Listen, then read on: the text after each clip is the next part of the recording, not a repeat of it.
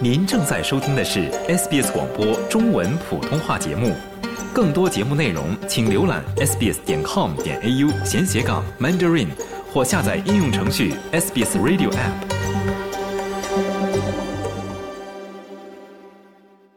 听众朋友，欢迎您收听 SBS 电台的中文普通话节目，我是林墨。那墨尔本皇家理工大学艺术与设计中心美术馆呢，日前是正在展出来自中国的艺术家马森的摄影作品。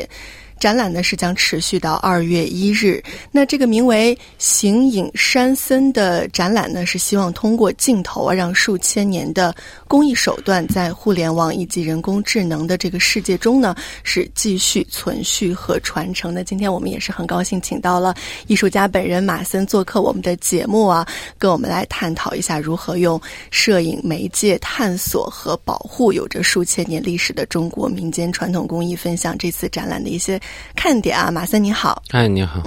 能不能首先跟我们的澳大利亚的听众朋友们打个招呼啊，也简单的介绍一下自己？各位朋友，你们好，我叫马森，现在是在中国清华大学的美术学院信息艺术设计系，呃，教授摄影相关的课程。嗯，然后这个项目是我这几年吧一个长期项目的一个阶段性总结，主要拍摄的或者说主题是关于中国的非遗、非物质文化遗产。嗯这是全程啊，就是有点长，所以后边我都用非遗说了。非遗文化的相关的嗯记录，一嗯个长期的记录的一个阶段性总结。嗯，能不能再给我们介绍一下这个展览的名字啊？形影山森非常有意思，好像非常的像啊这几个字。它的英文名字叫做《The Message of the Gestures》，有什么特殊的含义在这个名字里面吗？嗯，英文其实我翻译的时候已经是稍微直白了一点，嗯就是形态或者姿态中的信息。其实如果是中国的名字，我看的时候其实是前边后边两个字是分开的。形态就是我记录的这些，我凝固的瞬间，不管是里边的非遗的呃记忆的作品，或者是人嗯这种形态，我给它凝固到画面里。我希望在凝固的那一瞬间，是可以赋予我看见的它的意义的。嗯就是它的影，就是从形象到影像，从具象到抽象的时候，是可以有转换的。所以是形影嗯，山森，因为山我们说一下是这个木字旁，，对对对三对，撇这个山啊，对杉树的那山。个嗯那两个山和森其实强调的是一种个体和共性，或者说个体和整体。就是中国文化很多时候会强调一一种集体、整体、共性，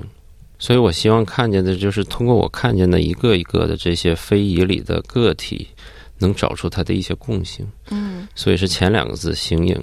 从、嗯从具象到抽象，嗯然后山森就是从一个单种的木头到成片的森林，是一个个体嗯，到整体，或者说是个体到集体的这种转化，嗯。所以它的名字是这么过来的。那您在这个整个记录的过程中，也是一直在探索从个体到整体的这样一个转化，是吗？对，因为其实啊，我们中国的非遗啊，特别多的种类，但数据啊，我只能说个大概啊，嗯就是中国有一个叫中国非物质文化遗产保护网，因为中国政府近些年也很重视这方面的东西，它就是文化部现在改名了，叫文化和旅游部，里边有专门的一个一个部门叫非遗保护司，嗯他们做的一个官网，就是统计的大概的国家级别的非遗的项目，大概是十个类别，十个类别，比如说什么曲艺啊、民俗啊、传统的绘画呀、反正十个大的种类，大概是一千五百多个了，这么多分项。嗯就是其实中国的这个非遗相关的东西特别多，所以你能看见的，它每个毕竟还是有差别的。嗯但是它其实总体的东西是什么呢？它都是从某一个年代、时代或者说朝代，在那个那个历史条件下传承下来的东西。这算是一个共性，可以说，对嗯，也就是这个您刚才提到的这个可能对从个体到总体的这样一个关系啊。对，嗯，虽然说有非常非常多的种类，但是可能共性就是在某一个时期、某一个历史背景下传承出来的这样一个非物质文化遗产。那能不能再跟我们的听众朋友聊一聊，是什么样的一个契机，让您把这样一个探索中国非遗的这样一个作品带到我们澳大利亚来，呈现给我们澳大利亚的观众？澳大利亚这几年在中国的宣传一直是它的多元文化，我也不知道这是民间 行行为还是政府组织的，反正给我的印象是，就是他一直在宣传自己的这个对多元文化的开放和包容性。嗯所以我觉得有这么好的文化背景是可以，嗯，就拿中国，因为中国也是历史悠久，嗯然后文化也是嗯保留的很好，就是璀璨的东西特别多，是可以拿过来直接交流或者是探讨的。嗯然后再有一个，就是因为这次选的这个展览的地点是，就是墨尔本皇家理工大学。因为我之前也了解他们，好像他们开授这个摄影相关专业已经有一百三十多年了。嗯就是他们的专业背景啊，国际影响力也都很好。其实说白了，我还是希望中国的东西能让更多的不同的视角也好，不同的文化背景的人能看到。嗯包括能来这种专业院校呢，他可能也可以跟更多有专业知识的，但是有拥有不同文化背景的人去交流。嗯嗯，所以最后选的是、啊、墨尔本的这个 RMIT 嗯。来进行展览。其实您说的没错，澳大利亚确实是一个多元文化的社会。就像刚才咱们也聊到，就我们这个电台而言，其实就有七十多种语言，各个国家的语言。那中国当然也是啊、有很多的咱们从中国来的移民在澳大利亚，相信能看到这样一个展览吧，肯定也是觉得非常的亲切啊。特别是这个农历新年马上就要到了，二月十号我们知道就是大嗯年初一了。那您在这样一个契机啊，带着这样一个作品来到澳大利亚，是不是跟农历新年有某些的关联呢？嗯、你是说的那个龙的那个是吧？因为我那看到图这是吧个这个册子里面其实是有一个龙的这个算是摄影作品对吧？因为马上要到来的这个呃就是龙年了，看到这样一幅这个龙的作品啊，也是觉得非常的亲切。能不能也跟我们介绍一下这幅叫《钱》的作品啊？这个乾啊，是乾坤的乾。嗯因为这个可能西西 方语境不太 好理解，他那个我这套作品的很多东西是来自于易经的，嗯，我看到旁边它有这个易经的符号，对对是吧对，？它就是乾卦的那个乾。嗯因为乾是在在易经的，我我不是易经专家啊，因为我起名的时候找了这个特别懂易经的人去聊，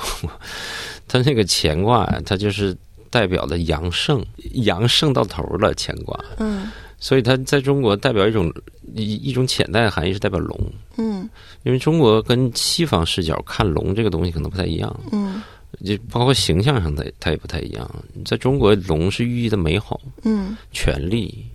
嗯，这个威望，就是它代表全是美好的东西。在西方呢，可能龙代表的是邪恶的东西，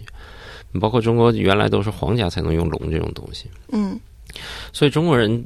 喜欢龙，这个可能好多这个西西方观众可能理解不太了，所以这个就是一种语境的差别。所以我看见这个龙的时候，它其实是一个，我想想那是去山东，中国山东，山东省潍坊。嗯，潍坊做风筝的对嘛，，出风筝，风筝的故风乡。筝风筝也是非遗，嗯就是去去那儿看风筝的时候看见的，因为其实做风筝，风筝因为在中国原来是一种儿童的游戏嘛，嗯但是因为现在这个年代嘛，你可能就你有的孩子们都是刷抖音、上网，这这个打游戏，嗯、就是有各种各样其他的东西，嗯就是已经不像就是我们祖先的时候对风筝的这种需求量那么大了。嗯所以他们在不制作这个纯风筝的时候，他们会接点其他哦 其他的工作。这个就是他们应该是给我不知道是哪个城市啊，还是是哪个公司啊，可能嗯做的花车。因为花车，我不太知道你见过中国那种原来的那种游行吗？花车之类的，国庆之类的那种花车，嗯嗯嗯它不是你你有个车汽车在底下开，对，上面有各种形象，它嗯那里边的制作工艺跟跟风筝这种类似，风筝里边也是打鼓，嗯只不过风筝里边是拿那个竹子嘛，嗯嗯加热之后烧完了微型，然后从外边加材质。他们这个花车也是，只不过它里边可能用的是这种，有的是铁，有的是其他的材质，就是工但艺更加复杂一些。对，但是嗯更大。嗯嗯东西更大，但是它的整个流程是差不多的，所以他们有时候还接这种，就是在不忙的时候，不忙着做风筝的时嗯候，因为它需求量没有原来那么大了，所以他们会做这种东西。所以您当时是在去拍摄这个风筝的对，呃工看厂见的时候看见到到的这这些条东西龙。那这个龙是什么材质？您还记得吗？它这个还真是有点像那个风筝那种布的材质，嗯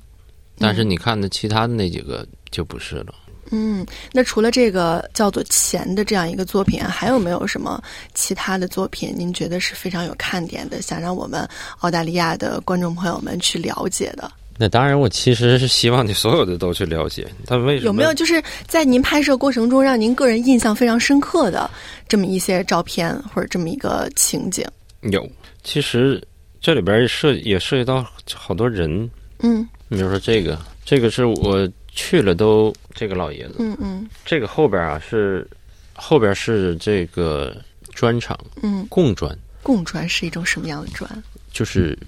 进贡上贡，哦，就是你知道原来皇家用的砖跟民间的是嗯不一样样的，的是吧？就是这个地方叫山东聊城嗯临清，嗯好像是因为当地的土质，只有当地产的那个土，就是造出来那个砖铺在地上之后是会一敲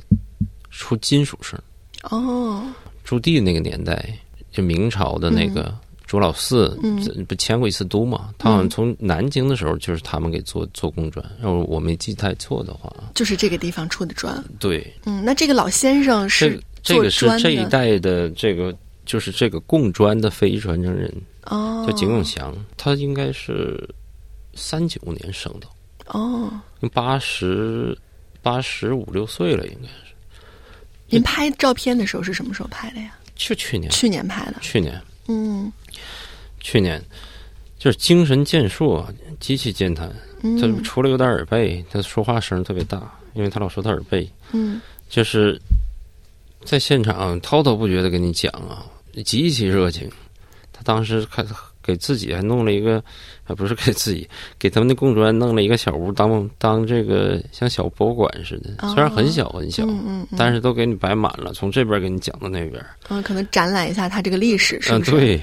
那他们这种传承人啊，对于这个非物质文化遗产保护有没有一些什么样的看法？他们是不是会担心这样一种手艺在未来呃会失去传承人，或者是会失传啊这样一个情况？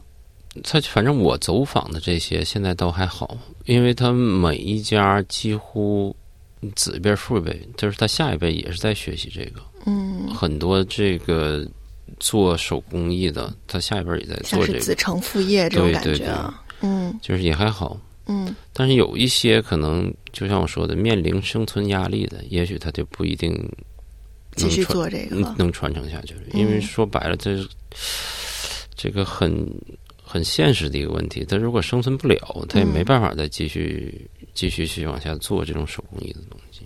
您这本册子里都是来这次带到澳大利亚来展览的图片，对吗？对，是不是全部都是这个非物质文化遗产呢？呃，全部都是有几张是我在路上的，就是你去的非遗的很多地方啊，它它不一定是你坐它开高速公路能到的，嗯。它需要走好多这个省道、市道，包括县里的道。嗯，那我们也是想要跟您探讨一下，在去到这些小地方，可能村庄是一个什么样的感受。但是还有一个问题，我也是觉得非常感兴趣。您的这些照片下面，您刚才也提到，都是用易经给它命的名，嗯，就是它的挂名，这是它的挂名。对。为什么选择用易经给这些作品命名呢？因为我想表示的是一种，就是最开始说那个形和影嘛，嗯形状和这个它的抽象的概念之间的关联性，就是中国能表现这种术数啊，这个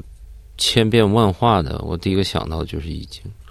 所以能用这个不同的形象啊、不同的含义来给具象的东西命名，所以我想到的是易经。当然，其实是呃有一点问题，就是可能它不太有利于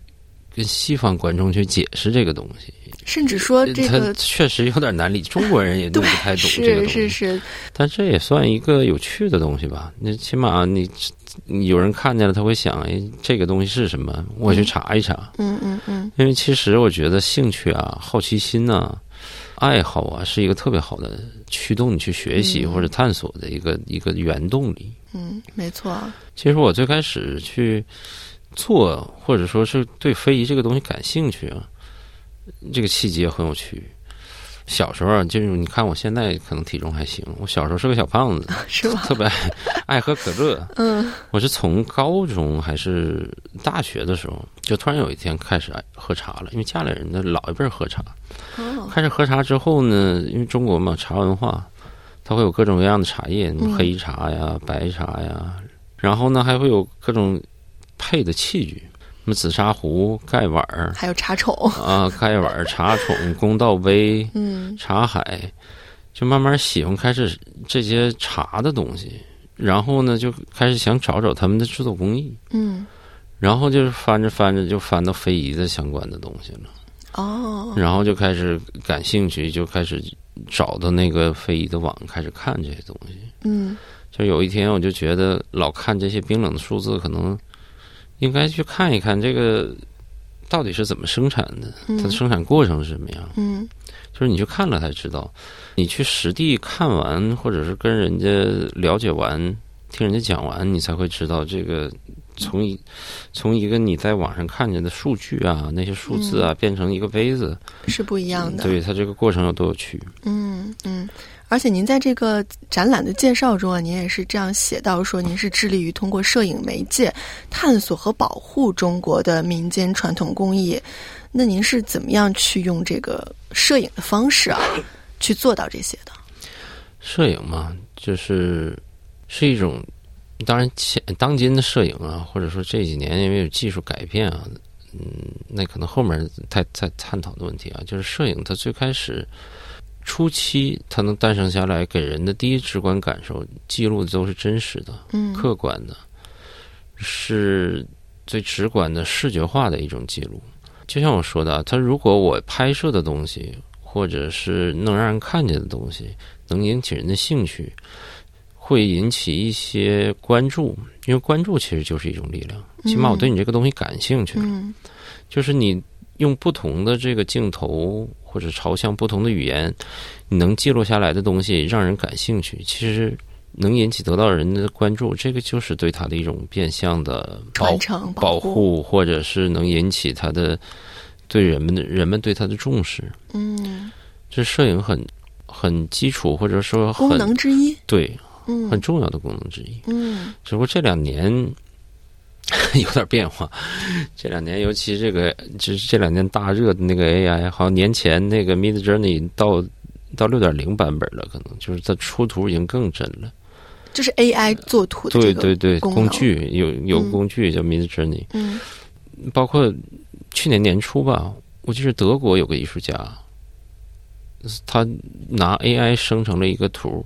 模仿的应该是六七十年代的美国妇女，可能是。嗯但是他那那个图得了二三年的索尼世世界摄影奖。他说我好像之前投稿啊，就这个展我投了可能六七，我具体数字我没清楚，反正他意思就是投了很多次没拿过奖，嗯，现在投了一张不算摄影的作品，拿奖了，他拒绝领奖，嗯所以当时也引引发过热议啊，就是这个 AI 是不是因为 AI 现在对各行各业冲击大，应该都没挺错大的。嗯在中国其实已经开始很明显了，对图片行业，就是中国的摄影行业有一部分是做商业摄影的，嗯商业摄影也分好多级别的，你比如说能拍到给汽车拍广告之类，那个那是一种 level 的，还还有一种给什么淘宝啊、啊天猫啊拍那种展示图录的，嗯嗯你比如说我就卖个衣服裤子，嗯我可能模特穿一下嗯，或者是直接拍那个衣服裤子，它只要背景干净就行。嗯你像这种工作，可能现在 AI 都可以接手。哦这就是这个，就为什么说对这个 AI 的行业，对这个图片的或者视觉的行业影响很大。现在，因为其实就像你原来从胶卷啊变成数字，嗯就是 AI 这个东西也是一个工具，只不过原来呢是人去实拍，现在 AI 呢就是直接是一种变相的给它绘制出来绘的。制其实它很多，它就是利用像素点的排列，它直接生成的图嘛，只不过看你用途了。就是如果你需要牵扯到记录真实的这个东西，你可能还是这个这个直观的摄影跟跟当然现代的技术条件啊，AI 啊还只是一个工具。只不过它它会让这个专业从业人员变得更便利。但是我就说的真它的真实性的问题啊，就是 AI 生成的图跟你实际拍的，对于你记录真实的这个情况，它还是有差别的。嗯所以这 AI 现在现阶段技术水平，我啊我还只是认为它是个工具类型的东西。嗯，那我们再说回到您这个拍摄的这个过程啊，您刚才也提到去了很多这个小村庄，可能很多地方是我们这个高速公路到达不了的地方。那在走访这些啊小城镇啊小村庄的这个过程，是一个什么样的经历和体验呢？是不是也会给您带来一些比较特别的感受？嗯，因为平时啊，除了这个，就是我去做自己的这种拍摄项目的时候，我们因为我带着上学生上课嘛，嗯我们在暑假的时候啊，就是我们单位有一支有一个叫小学期的课程，就是带学生去不同的地方进行社会实践。嗯那摄影方向其实就是采风，很多时候，嗯，我带学生们去的，比如说青海呀、嗯啊、甘肃啊，就是已然能见过这个很真实的中国到底是什么样的。嗯其实，在路上的这些里程倒还好，但是更多的就是跟这帮传承人接触这个过程，这个是之前